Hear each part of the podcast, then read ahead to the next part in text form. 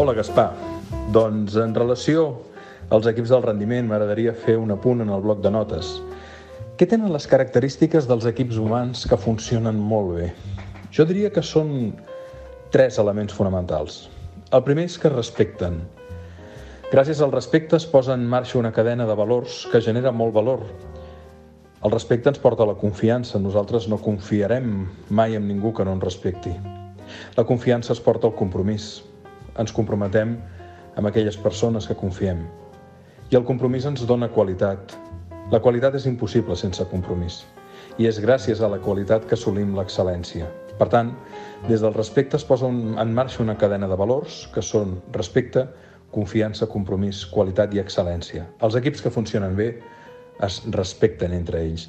I un cap d'equip el que ha de procurar, sobretot, és que hi hagi respecte entre la gent que col·labora.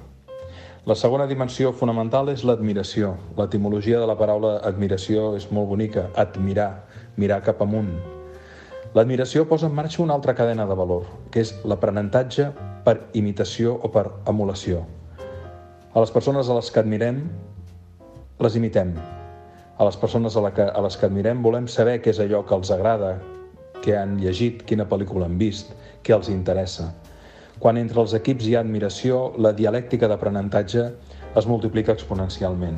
Per tant, ja en tenim dos. Respecte, la segona és admiració, i la tercera, i ve en la línia del que hem vingut parlant les darreres setmanes en relació del llibre Amor, i és que la tercera dimensió fonamental és que la gent s'estima. I quan diem estimar, recordem què volem dir. Quan hi ha estimació hi ha la voluntat de comprendre la singularitat de l'ésser estimat i les seves circumstàncies, hi ha la voluntat també de cuidar hi ha la voluntat i la determinació d'inspirar. Si en un equip aconseguim generar aquestes tres dimensions, respecte amb tota la cadena de valors que genera fins a l'excel·lència, admiració amb tota la cadena d'aprenentatge que es genera per, a, per imitació i afecte de debò, estimació de debò, la transformació pot ser extraordinària i els resultats poden tenir un altíssim rendiment.